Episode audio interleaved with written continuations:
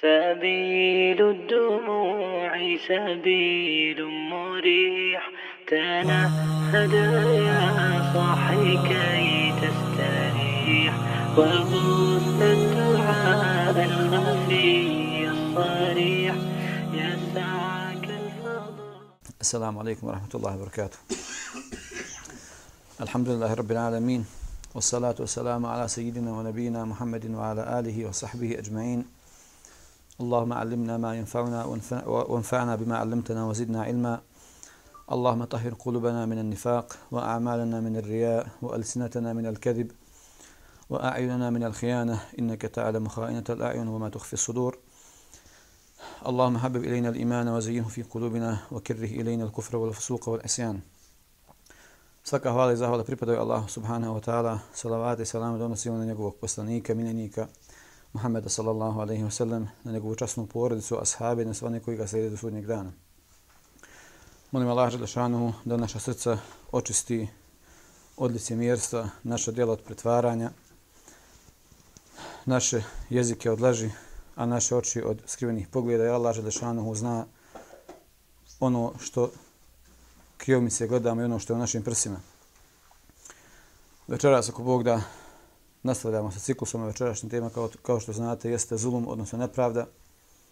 Poučenjaci kada govore o zulumu, o nepravdi, definišu je kao postavljanje stvari na mjesto na kojim ne pripada ili postupanje po principu koji je kontra pravdi. Pa znači sve ono što je kontra pravdi smatra se nepravdom, bilo da se radi o položajima, bilo da se radi o bilo čemu drugom, znači ono što je kontra principu pravde, ono što čovjek E, bespravno uzme, što mu ne pripada, to se smatra nepravdom.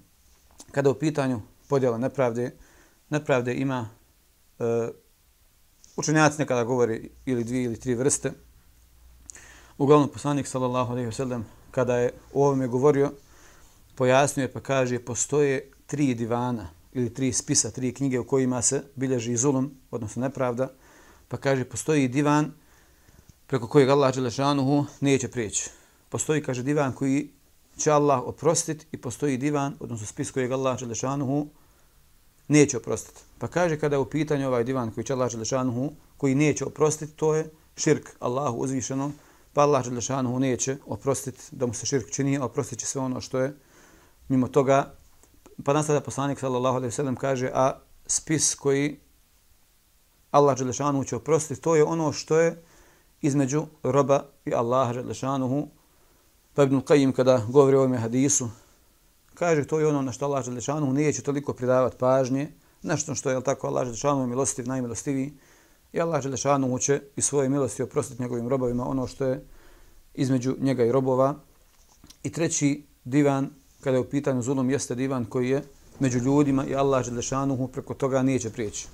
Znači neće Allah Đelešanuhu preko toga prijeći, već ljudi će morati to da izmiri, jel tako, na sudnjem danu.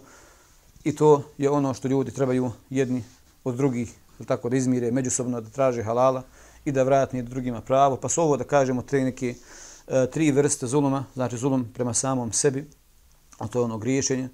Zatim zulum prema Allahu Đelešanuhu, a to je da mu se čirk čini, a neki učenjaci ovo dvoje sve smatraju tako pod jednom vrstom zuluma, a to je zulum prema samom sebi, jer ti Allahu Đelešanuhu ne možeš zulum ili nepravdu počiniti. Allah je savršen, Allah je vladar svega. I druga vrsta, odnosno treća vrsta po nekima jeste nepravda prema drugim ljudima, odnosno prema Allahu Đelešanuhu, robovima. Allah Đelešanuhu u jednom hadisi kuciju, kada govori o zulumu i kada zabranjuje nepravdu, e, na jedan, da kažemo, zanimljiv, specifičan način e, svojim robovima zabranjuje nepravdu. I onda Allah Đelešanuhu tako prvo što vam kaže o robovi moji, znači Allah Đelešanu nas naziva tako u svojim robovima i na takav način Allah nam e, pokušava prikazati opasnost toga. Objašnjava Allah Đelešanu da smo mi u stvari samo njegovi robovi. I postepeno na Allah Đelešanuhu ovome hadisu koji ćemo kuboga citirati, e, govori nam o njegovoj vlasti, o njegovoj neovisnosti o ljudima, je tako? Pa Allah Đelešanu kaže, o robovi moji, ja sam, kaže, sebi zabranio nepravdu i učinio sam je među vama zabranjenom, pa kaže, nemojte činiti zulum jedan drugima. Aleykum salam wa rahmatullahi wa. Pa nastavlja, kaže, o robovi moji, svi ste vi u zabludi osim onoga koga ja uputim. Pa kaže, tražite mi da vas uputim, ja ću vas uputiti. Znači ovdje Allah Đelešanu tako prvo govori da smo mi svi njegovi robovi. Allah Đelešanu koji nas je stvorio, koji je naš gospodar, vladar, stvarilac svega. Jer inače tako poznato je da vladari su oni koji se najviše, tako, oni koji najviše čine nepravdu. Pa kaže, Allah Žešanu objašnjava da on naš gospodar, mi smo njegovi robovi. Pa kod Allah, Allah Žešanu kaže, ja sam vaš gospodar, pa potkud vama pravo, ako se ja, ako ja nisam nepravedan, otkud vama pravo da budete nepravedni. Pa kaže, znači, svi ste vi u zabludi, osim onaj koga ja uputim, pa tražite uputu, ja ću vas uputiti. Pa kaže, o robovi moji, svi ste vi gladni, osim onoga koga ja nahranim, pa kaže, tražite mi da vas nahranim, ja ću vas nahraniti. Pa kaže, o robovi moji, svi ste vi neodjeveni, pa tražite da vas odjenem, ja ću vas odjenuti. Ovdje Allah tako nam govori e, o stvarima koje, bez kojih mi ne možemo, pa ono što je najbitnije uputa. Zatim hrana, zatim odjeća, tako? Pa Allah Želešanu sve ovo, bez Allaha Želešanu ne bi imali. Ono što je najbitnije uputa, bez Allaha ne bi imali.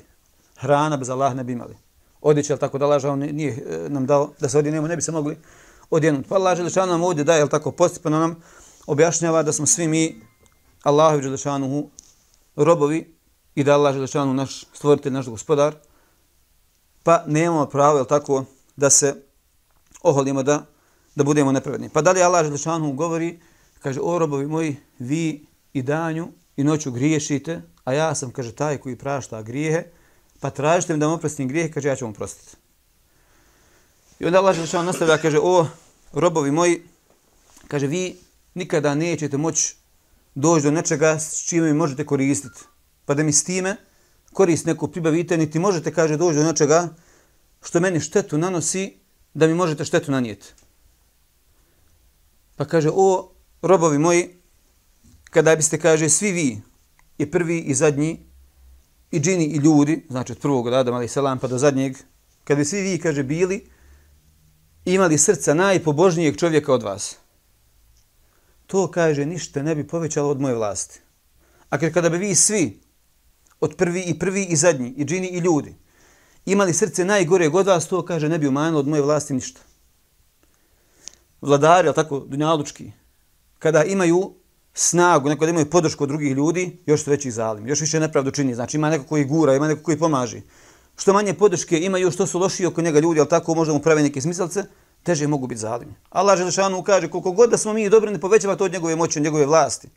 Koliko god da smo mi loši, to ne umanjuje od njegove vlasti. Pa nas sada Allah Želešanu kaže, o robovi moji, kada biste vi, svi, i prvi, i zadnji, i džini, i ljudi, se sakupili na jedno mjesto i svi mi tražili ono što vam treba, svi doveli. I kaže, ja vama svima udovoljio, svima ispunio vaše dove, vaše želje, to ne bi umanjilo od onoga, kaže, što je kod mene, nikoliko kada ubacite iglu u more i izvedite. I ono što ste na igli, eto toliko koliko bi se od mora odmanilo, toliko bi se od onoga što je kod Allah Želešanu umanjilo, kada bi svima nama Allah Želešanu naše dove ispunio. Na kraju Allah Želešanu zaključuje, pa kaže, o robovi moji, sve zavisi, kaže, od vaših dijela. Znači, prvo je Allah Želešanu gore, tako objašnjava njegovu moć, njegovu vlast, e, njegovu neovisnost, a našu ovisnost o Allahu subhanahu wa ta'ala. I sve to je tako Allah da bi na kraju rekao, sve zavisi od vaših dijela, koja su kod mene već zapisana i prebrojana. Pa kaže, za koja će Allah Želešanu ljudima, ali tako dat zaslugu, pa kaže, onaj koji nađe dobro i nagradu, neka zahvali Allahu Želešanu, dok onaj koji nađe zlo i kaznu, neka ne krivi nikoga osim sebe. I ovaj hadis kuci, koji nam tako tako postepeno od početka pa do kraja objašnjava e, ko je Allah Đelešanuhu, objašnjava nam koliko smo mi ovisni o njemu, a on je neovisan o nama i pa pored svega toga što Allah Đelešanuhu nam daje i uputu, i hranu, i odjeću, što nam oprašta grijehe. Vidite kako ovdje Allah Đelešanuhu kaže, vi i danju i noću griješite, Allah će ovdje nam kaže da on zna da mi griješimo. Kogod mi jedni prema drugima da glumimo neke bezgrešne ljude, Allah Đelešanuhu zna da mi griješimo kada se sakrimo, tako? Pa kaže, vi griješite, ali kaže, ja sam tako i pražda, pa mi traže da vam oprostim, ja ću vam oprostiti. Allah će da ti znači, do kraja ti ide, ovisan sve menje u svakom pogledu, od upute, hrana, piće, odjeća, sve. Pa čak i ovo, ako griješiš, Ako te ja ne oprostim, opet džabati sve. Ako ćete kazniti, pa kaže vi griješite, ja ću vam oprostiti, tražite mi da vam oprostim. Znači, sve zavisi od naših dijela. Ne smijemo tako da budemo od onih koji nepravdu čine, a svi mi smo na neki način nepravednici. Samo da nas Allah Đelešan sačuva ove dvije vrste nepravde, da budemo od onih koji Allah Đelešan širk čine, to je najveća nepravda, i od onih koji drugim ljudima čine nepravdu, to je ono što tako što Allah neće oprostiti, osim dok na sudnjem danu nizmiri jedni prema drugima. Ali ova treća vrsta, e, zulum prema, sam, prema samima sobom, to niko od nas nije toga poštiđen. Svi smo mi, tako, e, prema sebi nepravedni, svi mi na neki način tako griješimo, činimo grijehe, pa zbog toga Allah Đelešanu nam daje priliku tako da priznamo njega kao vladara, kao savršenog, kao našeg gospodara, da traži od njega da oprosti pa Allah subhanahu wa ta'ala oprostiti naše grijehe. E, ova vrsta zuluma prema drugim ljudima, to je ono tako što, oko čega ćemo možda najviše večeras, ako Bog da govoriti, jer ove dvije vrste, kao što sam rekla, tako što tiče širka ili zuluma prema Allahu Đelešanuhu i ova vrsta zulum prema samom sebi, da svi činimo grijehe, pa nadamo se da širka ako Bog da nećemo nikad počiniti, a ove što tiče ovih grijeha koje uvijek činimo, molimo Allah Đalešanuhu da nam svima oprosti. Međutim, ova treća vrsta, to je ono od čega treba da se čuvamo, jer je to kod Allaha Đelešanuhu i takako krupno, pa kao što kaže Sufjan Theori, rahimahullah, kaže da čovjek počini 70 grijeha između njega i njegovog gospodara, kaže manje je nego da počini jedan grijeh između njega i drugih robova. Znači 70 grijeha da počiniš između tebe i Allaha Đelešanuhu, nis nikoga, e, niko bi nažal učinio, niti ga ugovorio, niti ga udario, niti mu ukrao i tako dalje. Znači ono što između tebe i Đelešanuhu, kaže manje je nego da, da počneš jedan grijeh između tebe i Allah Đelešanuhu robova. Prednosi se dosta priča, dosta događaja koji se tiču zuluma i nepravde. Jedan od tih događaja koji prenosi imam Vehebi u Al-Kebairu, spominje se, kaže, jedan čovjek koji povijeda taj događaj, kaže, išao sam ulicom i sreo sam, kaže, čovjeka koji je bio bez ruke, znači nije imao ruku, otknuta mu ruka u ramenu i kaže, išao ulicom i sve glasa govorio, kaže, kome ovakvog vidi, nikad nikome ne čini nepravdu. Pa kaže, zapitao sam se, šta li je to toliko, zbog čega on ide ulicom i to govori, mora nešto postojati, nije to tek tako. I prišao sam mu, kaže, pitao ga, dobro, ispričaj mi svoju priču, šta je bilo, šta se desilo, zbog čega se tako ponašaš, zbog čega govoriš ljudima, kome vidi, neka nikome ne čini nepravdu. Pa mu ovaj odgovori, ja sam, kaže, jedne prilike, bio sam od pomagača zulumčara. Vjerovatno je bio blizu nekog vladara koji je činio nepravdu, koji je bio silnik, pa je možda bio blizu njega. Bio sam, kaže, od pomagača zulumčara, pa jedne prilike išao sam i sreo sam ribara koji je ulovio jednu veliku ribu. Pa sam, svidla mi se ta riba, pa sam mu tražio da mi je da. Pa mi je rekao, ne mogu ti dati ribu, ja ovo prodajem, pa onda od, te, od tog novca kupim da prehranim svoju porodicu. Pa kaže ovaj, ne moraš kada ti tu ribu svakako uzeti, pa kaže, oteo, mu, oteo sam mu, kaže, tu ribu. Ovaj čovjek što je bez ruke, priča svoj događaj, oteo sam mu, kaže, tu ribu i krenuo sam kući i u putu me ta riba ujede za palac. Pa kaže, dok sam došao kući, osjetio sam veliku, veliku bol u palcu, spustio sam ribu i čitavu tu noć nisam, kaže, mogao da spavam. Od bola. Sutradan ujutro čim je svanilo, otišao sam doktoru, ispričao mu. Doktor pregledao i rekao, moraš moramo ti osjeći taj prst, jer ako to ne osjećemo, moramo ti onda priječiti na ruku, pa ćemo ti morati ruku sjeći. Pa sam, kaže, pristao, osjekli su mi taj prst, tu noć, još sam veću, kaže, bol osjetio. Opet nisam mogao spavati, šta ti osjetio bol, pa sam opet sutradan otišao doktoru. Pa mi je rekao, moramo ti osjeći i šaku, ako to se ne desi, ako ne osjećamo, priječiti problem i na podlakticu. Pa sam se složio, osjekao su mi, kaže, i šaku. Pa sutradan, kaže, sam opet isti dan, nakon toga što smo osjekali šaku, kaže, osjetio bol, pa otišao opet doktoru, nisam mogao spavati, opet doktor kaže, moram ti osjeći podlakticu, jer ako, se, ako ne osjećamo, priječiti, kaže, na nadlakticu. Pristao sam, kaže, osjekli su mi opet, ali opet je tu noć još veća bol nego sve ove prijethodne u nadlaktici. Sutradan opet sam otišao i rekao sam njemu tako i tako. Boli me još više, kaže, moramo te osjeći čitavu ruku, u, la, u, u ramenu, jer kaže, ako ne, ne osjećamo odet na čitavo tijelo, možeš umrijeti. Pa kaže, pristao sam. I na kraju su mi ljudi začudili se ima, ima, ima neki razlog, kaže što se to dešava.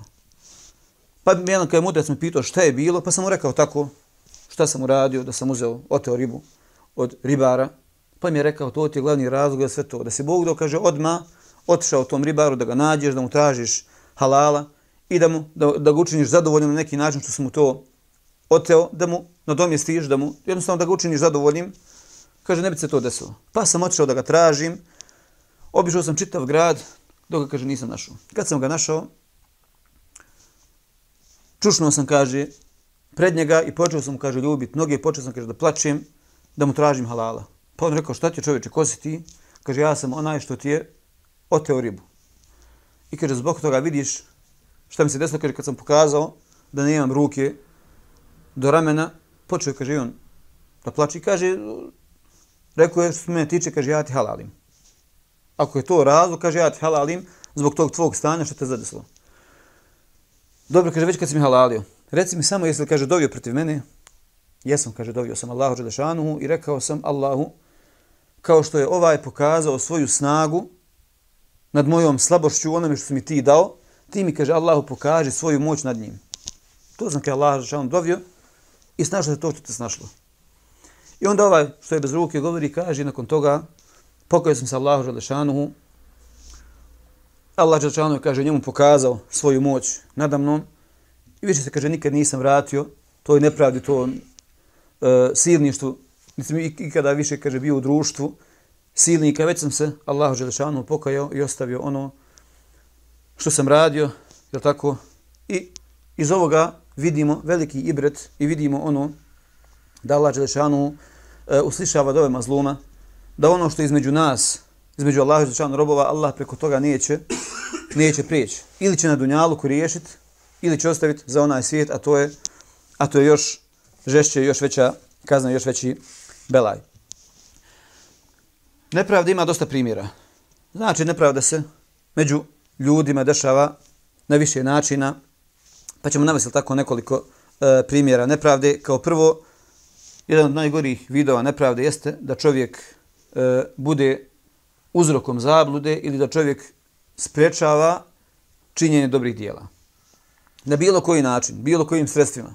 Znači da neko bude uzrokom da se čini nered na zemlji, radilo se o kladionicama, radilo se o diskotekama, radilo se o bilo kojim drugim, da tako, haramima, znači sve ono što čovjek bude uzrokom da, ljud, da drugi ljudi čini grijehe, to je, računa se, je tako, zulumom, računa se nepravdom, spriječavaš drugo, odnosno, e, ti si uzrokom da neko drugi bude u zabludi. Ili na bilo koji drugi način da spriječavaš istinu, pa da pišeš, je tako, da neko piše e, novinama, portalama i tako dalje, da piše protiv islama, dodaća druge ljude od istine, ova, ovi su ovakvi, oni su onakvi i tako dalje, znači da se pljuje po muslimanima, tako da bilo šta od ovoga što biva uzrokom zablude ili što biva uzrokom ostavljanja istine smatra se nepravdom.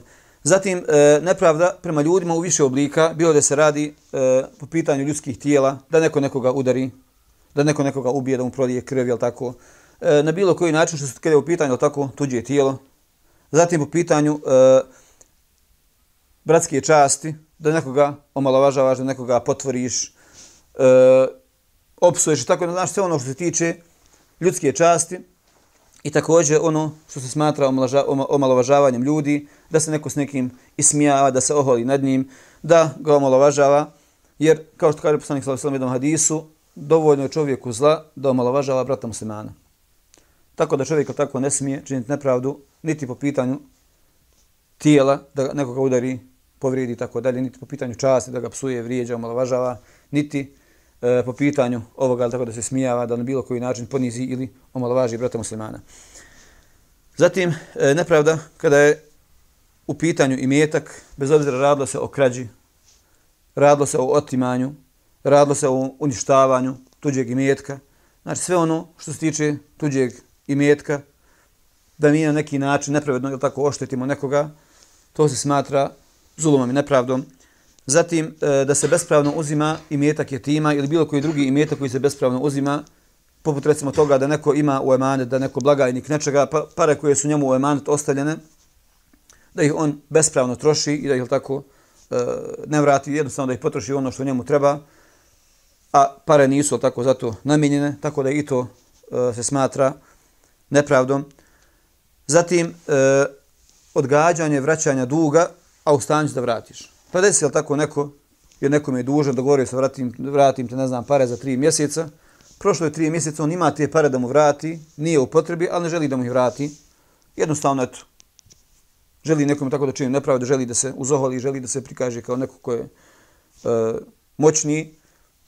Znači, ako neko stane da vrati, ne želi da vrati, to se također smatra nepravdom. Također nepravda u porodici. Muže prema ženi, žene prema mužu, roditelja prema djeci. Znači, na bilo koji način da se čini nepravda u porodici, da se koristi sila, da se koristi bilo koja vrsta, je tako, od nepravde koju smo spomenuli, vrijeđanje ili fizički ili bilo kako. Znači, ono što što se tiče, je tako, porodice i sve ono što, jer to biva uzrokom rušenja porodice, uzrokom e, rastave braka i odvajanja roditelja od djece i tako dalje. Zatim, e, nepravda prema radniku. Bilo o čemu da se radi, nadređeni čini nepravdu podređenom, pa pogodi se, na primjer, radnik sa gazdom, gazdom kaže, radit što i to, platite tolika i tolika, ovaj počne da radi i onda ovaj e, uslovljava mu, radit ćeš dodatno to, pa to. Znači na ono što se dogovorili, još mu na to nabacuje dodatnih poslova, e, stavljamo obavezu i u slučaju da ovaj odbije, neće dobiti platu. Znači čini, je tako, gazda radniku nepravdu u bilo tako kojem pogledu da ono što se ne smatra pravdom, to je nepravda. Zatim, e, nepravda prema komši da se uzima njegovo pravo po pitanju međe, po pitanju bilo čega drugog, jel tako da se čini nepravda komši, da ti budeš uzrok njegovog ezijeta, da ga na bilo koji način zamiravaš, sve se to smatra nepravdom. Također, gibet i nemimet, ogovaranje, prenošenje tuđih riječi, smatra se zulumom, jer ovo je od stvari koje prouzrokuju e, netrpeljivost među muslimanima. Pa recimo danas je brat brata volio, sjedne s nekim drugim, ovaj go i ovaj ne znaš ti on je, on ti je takav, takav, takav, stradan ovaj prestane da ga voli, prestane da se druži sa njim. Znači, dojuče su bili braća, nerazvojni, danas već e, ne podnose se, ovaj drugi ne zna, vidi da ga izbjegava, nije svjesno zbog čega ga izbjegava, tako da sve ono što ubacuje mržnju među muslimanima smatra se nepravdom. E, kada su u pitanju uzroci nepravde, uzroka ima dosta. E, spomenut ćemo tri osnovna uzroka i spomenut ćemo još nekoliko uzroka koji na neki način možda ulaze pod ta tri osnovna uzroka. Ta tri osnovna uzroka jesu šeitan, prokleti, jeste duša čovjekova koja je sklona zlu i treće jesu čovjekove strasti ili čovjekovi prohtjevi. Pa šeitan je tako koji je naš najveći neprijatelj kao što Allah Žešanu se obavještava da je šeitan naš najveći neprijatelj da mi treba, treba da ga uzmijemo sebi, da ga shvatimo kao našeg neprijatelja. E, također naša duša koja je sklona zlu, to je ono od naših, od ljudskih svojstava, loših, je tako, osobina, poput oholosti, umišljenosti, e, mržnje, želje za ugledom, tako dalje. Znači sve ono što je kod insana u njegovoj duši Pokvaru, znači to je ta duša koja je sklona zlu. Duša koja želi da čini zlo. I dosta tako primjera proizilazi iz ovoga. I treće, čovjekove strasti, njegovi prohtjevi, koji ga često tako nagovaraju i teraju na to da bi ispunio svoje prohtjeve, svoje želje, svoje strasti, ali tako često posredne ka tome da počini nekome neku nepravdu. E, kad su pitanje ostali e, uzroci koji na neki način pod ovo potpadaju, jeste e, osjećaj snagi i pocijenjivanje drugih ljudi. Znači kad neko osjeća neku snagu, vidi da je iznad nekih po pitanju nečega, radilo se o tome da je e, muž prema ženi ili roditelj prema djeci, radilo se o tome da je gazda prema radniku, radilo se da je šef prema svojim, je tako, počinjenim, da znači bilo ko ima neku, da kažem, funkciju, ima E, neku nadređenost nad nekim, ima neku snagu, neku moć nad nekim i zbog toga se često neko tako uzdiže i često čini nepravdu zato što on sebe smatra da je on e, bolji, da zaslužuje veće mjesto i tako dalje i onda sebi dadne za pravo da drugim ljudima čini, čini nepravdu. E, zatim od, od uzroka jeste sigurnost od sankcija ili kazni. Pa neko ko čini nepravdu, desi se jednom, dva put ili tako nekom učini neku nepravdu vidi niko ništa, usladi mu se, vidi prolazi i onda on nastavlja, jel tako da čini tu nepravdu, jer nikoga ne spriječava, nikoga ne sankcioniše zato, nikoga ne kažnjava ni, ni, ni, ni na koji način. I tako onda čovjek, tako to biva uzrokom, da neko e, i dalje čini nepravdu i da ta nepravda tako prela, počne da prelazi u još veće oblike. Zatim, e, od uzroka jeste da da je neko nemaran prema ahiretskoj kazni. Znači da neko ne razmišlja o ahiretskoj kazni. Ne razmišlja šta ga čeka za taj njegov zulum, za tu njegovu nepravdu na onome svijetu koji bude činio prema drugim muslimanima. Tako da ona koji ne razmišlja o Allahu Žadešanu, koji ne razmišlja e, o posljedicama ahiretskim, šta će mu se desiti, takav će se vrlo lahko upustiti u činjenje zuluma prema drugim ljudima. Također od uzroka jeste i loš odgoj i loš uzor, Pa onaj koji odraste u porodici ili u društvu, ne mora to biti samo porodica, nekad ili tako porodica pokušava da odgoji svoje dijete kako treba, međutim dijete upadne u pogrešno društvo, pa uz njih se odgaja, tako da je taj loš odgoj, ako je otac primjer ili neko drugi, ako je loš primjer, pa čini nepravdu prema majici, čini nepravdu prema djeci, e, uopšte je tako silnik, nepravednik, i onda se i dijete ugoda na oca ili na loše društvo, pa i on, je tako, postane poput njih. Također od e, uzroka jeste dopuštanje nepravednicima da radi šta hoće. Po vlasti ćemo naći tako e, možda najbolji primjer da mnogi koji su na vlasti, koji su se dočepali stolice, čine nepravdu na raznorazne načine, zakidaju ljude u imetku, pravi raznorazne, šta ja znam, projekte, lupe neke cijene, malverzacije svakakve. I onda tako uvijek e, taj emanet kojim se povjeri taj neki budžet, taj neki iznos za neki projekat, uvijek to možda realna cijena bude puno manja, pa on sebi nešto, sve se to smatra zulumom jer sve je to uzeo naprevedno i ništa od toga mu ne pripada i onda, je tako, na takav način i pogotovo ako e, niko ne sprečava takve ljude da e, čini tu nepravdu koju čini, takvi će ljudi nastaviti da budu silnici, takvi će ljudi nastaviti tako da otimaju i da uzimaju ono što im, što im ne pripada. Također, jeste i želja da se stekne imetak, znači uopšteno imetak, ljubav prema imetku. I onda neko ko voli dunjalu, ko voli imetak, takav više neće birati tako sredstva.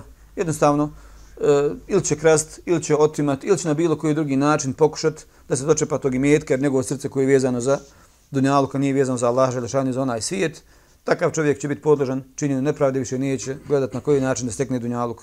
Isto tako i položaj, e, što već spomenuli, ili pomagači, da čovjek ima e, pomagače koji ga pomažu u toj nepravdi.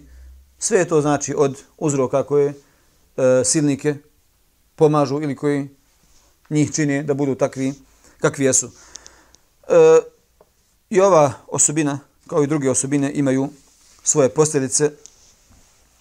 Znači, nepravda, onaj ko čini nepravdu ne može, a da ne dobije posljedice, bilo da se radi o posljedicama na dunjalku, ili na onome svijetu. Pa od najvećih posljedica jeste i to da e, zalime čeka patnje na onome svijetu. Kao što Allah Žešanu kaže, inna a'tadna li zalimina nara, mi smo zaista pripremili za zulumčare vatru. Pa ovo je jedna od najvećih posljedica za one koji čine nepravdu Također od e, posljedica jeste da nepravda uništava ili da, da taj zulum biva uzrokom da se uništavaju gradovi i sela i tako dalje. Kao što Allah Želešanu u Kur'anu kaže u tilke l'kura ahlaknahum lemma zalamu kaže ta naselja smo mi uništili onda kada su oni postali silnici. Također u mnogim drugim ajtima Allah Želešanu govori da je mnoga, mnoga sela i mnoge gradove uništio zbog toga kada su oni poslali zalimi, kada su poslali silnici i nepravedni, pa je to bio uzrokom da je Allah Želešanuhu uništi. E, također, uništava porodicu, kao što malo prije spomenuli, da često biva razdorom u porodici, da se porodica raspije, da ta nepravda koju jedan od bračnih drugova tako ne može da trpi, pa se brak raspije ili roditelj nepravedan prema djetetu ili obrnuto, pa se porodica odvoji, tako da zulum gdje god da se pojavi rastoruće pa ili državu ili ili porodicu i tako dalje. Također od posljedica jeste da e, na onome svijetu čini silnike bankrotom. Kao što kaže poslanik sallallahu alejhi ve sellem jedne prilike pitao je Allahu poslanik alejhi selam ashabe, znate li kaže ko je bankrot? Pa kažu onaj koji nema niti dinara niti dirhema, znači nema nikakvog imetka. Pa kaže poslanik sallallahu alejhi ve sellem kaže bankrot je onaj koji dođe na sudnji dan sa namazom, sa postom, sa zekatom, a kaže onoga je opsovao, onoga je udario, onoga je uvrijedio, onome je uzeo, pa kaže svako dođe i uzme svoje pravo, pa kaže onaj od njega uzme dobrih dijela, pa onaj uzme od njega dobrih dijela, svako uzme svoje pravo, sve kaže dok njegova dobra dijela ne nestanu. Pa kaže kad nestanu njegova do dobra dijela, onda oni njemu počnu davati njihova loša dijela. I sve kaže dok takav ne završi u džehennemskoj vatri. To je najveći bankrot. Pa onaj koji je činio nepravdu prema drugim ljudima, psovao, udarao, vrijeđao na bilo koji način ih, e, na bilo koji način da im je učinio nepravdu, takav će biti izložen tome da laže što on sačuva da na sudnjem danu bude, bude bankrot ili da njegova dobra djela propadnu. Također od posljedica jeste da e, uništava bratstvo, proizvodi mržnju, pa ponaj koji je silnik među svojom braćom, možda je imao neke prijatelje, pa zbog svoje nepravde će odbiti svoje prijatelje od sebe, izgubit će bratstvo, ono lijepo društvo koje ima, kojim ga Allah da počastio zbog te svoje nepravde, bit će znači to uzrokom da takav izgubi svoje prijatelje, da nas Allah Želešanu sačuva toga. Također, zalimi neće uspjeti, kao što Allah Želešanu kaže, innehu la iflihu zalimun. Također, e, nepravda spriječava i uputu, znači oni koji su silnici, koji su zalimi, Allah Želešanu im ne da uputu zbog toga, kao što kaže Allah Žešanu, inna Allah la ihdil qavme zalimin, Allah neće zaista uputiti narod nepravedni, po oni koji su zalimi, koji drugima nepravdu čini, to biva uzrokom da, da im Allah Žešanu, da ih Allah Žešanu uskrati, upute jer Allah Žešanu ne voli, ne voli zulum. Još dosta je posljedica e, ovoga poput sprečavanja šefata i tako dalje. E, međutim, ono što je kontra zulumu, što je bitno da spomenuti, jeste pravda. Znači, kontra nepravdi je pravda. A ono što kaže Ibn Taymije, Allah da mu se smiluje, šeheh Islam, Ibn Taymije kaže, Allah Želešanu će e, pomoć nevjerničku državu koja je pravedna, ali neće, kaže, pomoć muslimansku državu koja je nepravedna. Znači, ovi rade po Kur'anu i po sunnetu, međutim imaju nepravde kod sebe, čine drugima nepravdu, oselili se, iako sude po Kur'anu i po sunnetu, međutim opet tako imaju kod sebe od zuluma, Allah neće pomoći dok će, kaže, pomoć nevjernike koji su pravedni. Pa koliko danas vidimo zapadnih država, kojima Allah Želešanu daje im tako napredka, zato su ljudi, drže se principa pravde. I Allah Želešanu im još više otvara. Iako ne sude po islamu, ne drže se islamskog zakona, Allah Želešanu im daje. Dok vamo naći tako mnoge muslimanske države koje ne vode brigu o pravdi, jednostavno gledaju tako kako će koga zakinu gledaju samo da oni budu ti koji će se koristiti od budžeta i tako dalje da drugim ljudima, samo da bi se dočepali toga, čine nepravde, ne biraju tako nikakva sredstva. Allah Želešanu također neće promijeniti naše stanje dok mi ne budemo promijenili sebe. Pa insan ne može očekivati da mu vlast bude pravedna, a on nepravedan. A vidimo mi je tako da uopšteno narod, ko narod, većina osim kome se Allah Želešanu smilovao, ljudi su takvi kakvi su, voli da kradu, voli da lažu i tako dalje. Pa ćete naći dosta ljudi da se žali ne valjamo, država ne valjamo firme i tako dalje, a vamo kad ti priča eto ja ne znam, radi u nekoj firmi, vozi kamion, vozi bager, nebitno vamo, izlači nafte pa onda prodaje jeftinije, ne možeš ti očekivati živ bio da ti kradeš, a da tebe ne kradu. Ne možeš ti očekivati da si ti zalim, a da, a da tebi dođu pošteni vladari. Kad se mi promijenimo, kad mi promijenimo naše stanje, Allah će tek tad dati da nam vladaju pošteni ljudi. Kada se mi budemo držali pravde, kada mi krenemo od sebe, od svoje porodice, tek će nam onda Allah Želešanu dati nekoga ko će biti pravedan. Prije toga mi možemo samo sanjati o toj pravdi, možemo samo da želimo to nešto što Allah zna da li ćemo dostići sve dok mi ne postanemo pravedni. Nekad se neko zapita zbog čega Allah Želešanu dozvoljava nepravdu. Nadođe onako insani, ali tako. Pa dobro, što je to Allah Želešanu ne voli nepravdu, kao što smo naveli u hadisu, tako. Da Allah Žešan zabranio sebi nepravdu. Znači Allah Žešan ne voli nepravdu, ali što je dozvoljava? Allah Žešanu e, ne zaboravlja. Nepravednik će kad tad stići njihova kazna. Međutim, Allah najbolje zna, ima sigurno tu nekih mudrosti zbog čega Allah Želešanuhu odgađa Pa to može biti ili da Allah Želešanuhu odgađa kaznu, ili da Allah Želešanu silnicima daje priliku da se pokaju, neće ih kazniti, već im daje priliku da razmisli da dođu u sebi da se opamete, ne bi se vratili, ili da Allah Želešanu iskuša vjernike sa tim zalimima, da li će vjernici biti saburli ili neće, da li će biti zadovoljni Allahom Želešanuhu kušnjem ili neće biti zadovoljni Allahom Želešanu odredbom. Tako da se ovo da kažem ne može neka od e, neka tri razloga zbog čega Allah Želešanu odgađa kaznu zalimima. U jednom hadisu kod Buhari i muslima koji prenosi Ebu Musa al-Ašari radijallahu anhu kaže da je poslanik sallallahu alejhi rekao zaista Allah Želešanuhu e, ostavlja zalimima da dugo čini zulm.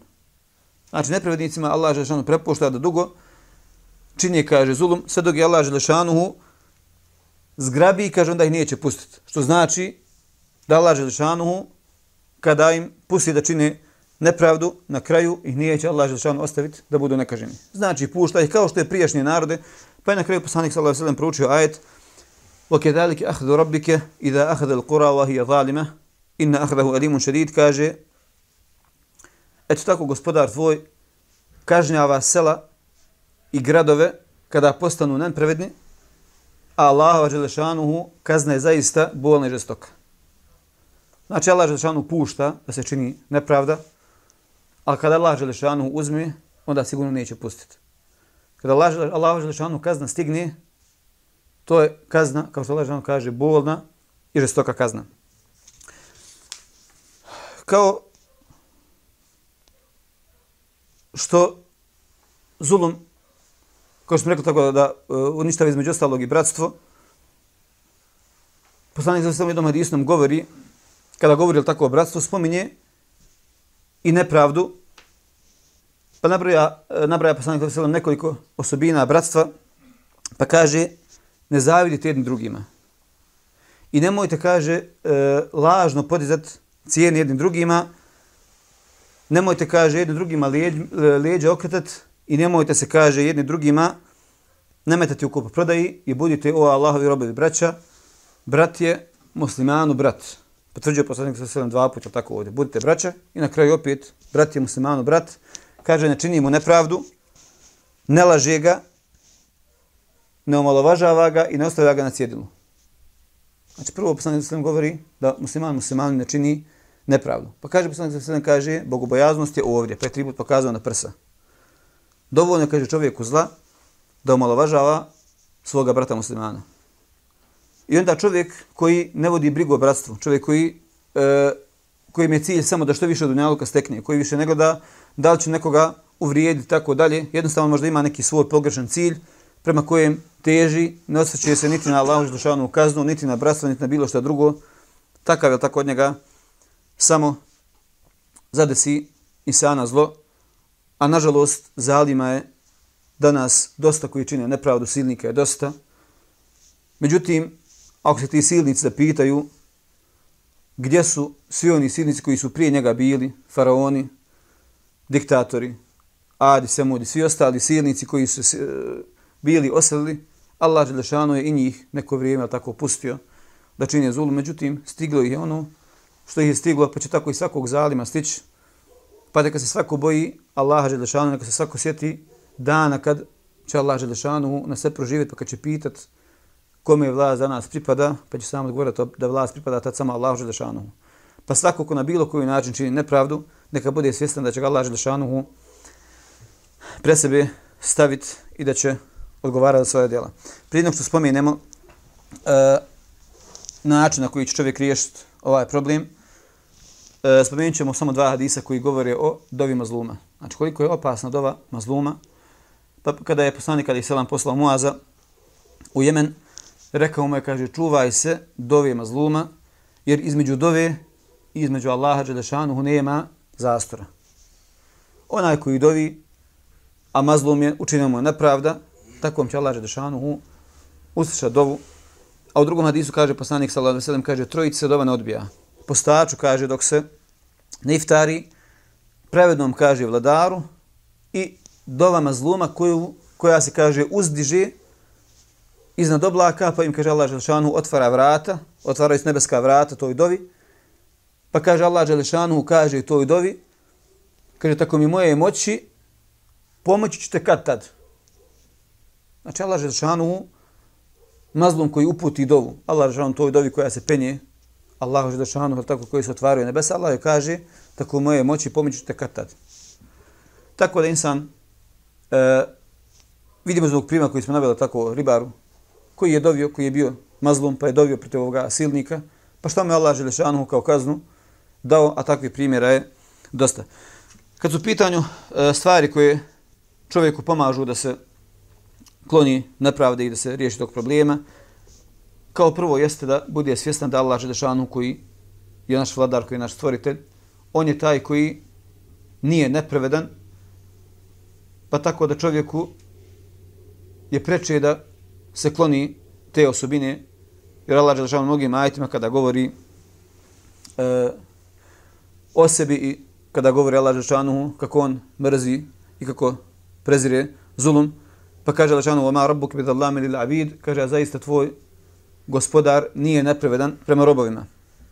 I mnogim drugim ajitima Allah Želešanu govori o ovome. Također od e, načina na koji da se čovjek riješi ovog problema jeste da se sjeti toga kako silnici završavaju. Na dunjalku i na ahiretu. Na dunjalku je Allah Želešanu mnoge sil, silnike ponizio, pa im je dao kaznu na ovom svijetu prije onog svijeta, a na onom svijetu je žestoka kazna. E, također, da čovjek, onaj koji čini nepravo, da bude svjestan da Allah Želešanuhu, odnosno da e, ne treba da gubi nadu Allah Želešanuhu milost. Da je Allah Želešanuhu milostiv i da ako se pokaje, da će mu Allah Želešanuhu primiti pokajanje.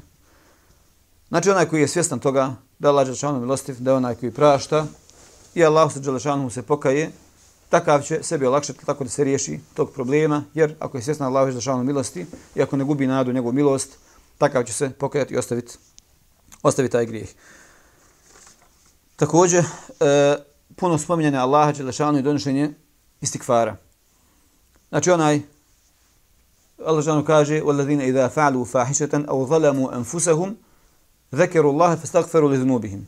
Oma yakferu zunuba illa Allaha, kaže oni koji kakvo zlo ili kakav grijeh počine ili kaže nepravdu prema sebi učine, pa se Allaha sjete, spomenu Allaha Žadašanuhu, i onda se istikvar. Od Allaha Žadašanuhu oprost traži.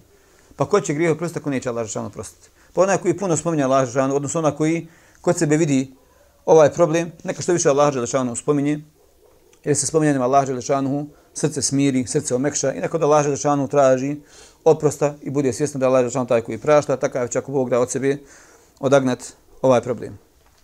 Također pokajanje, ono što je tako zadnje spomenuti, jeste i to pokajanje da onaj koji e, čini neku vrstu nepravde, treba da se Allah Želešanu iskreno pokaje, da vrati, ako su u pitanju materijalna prava prema drugim ljudima, da mu vrati ono što su uzeli.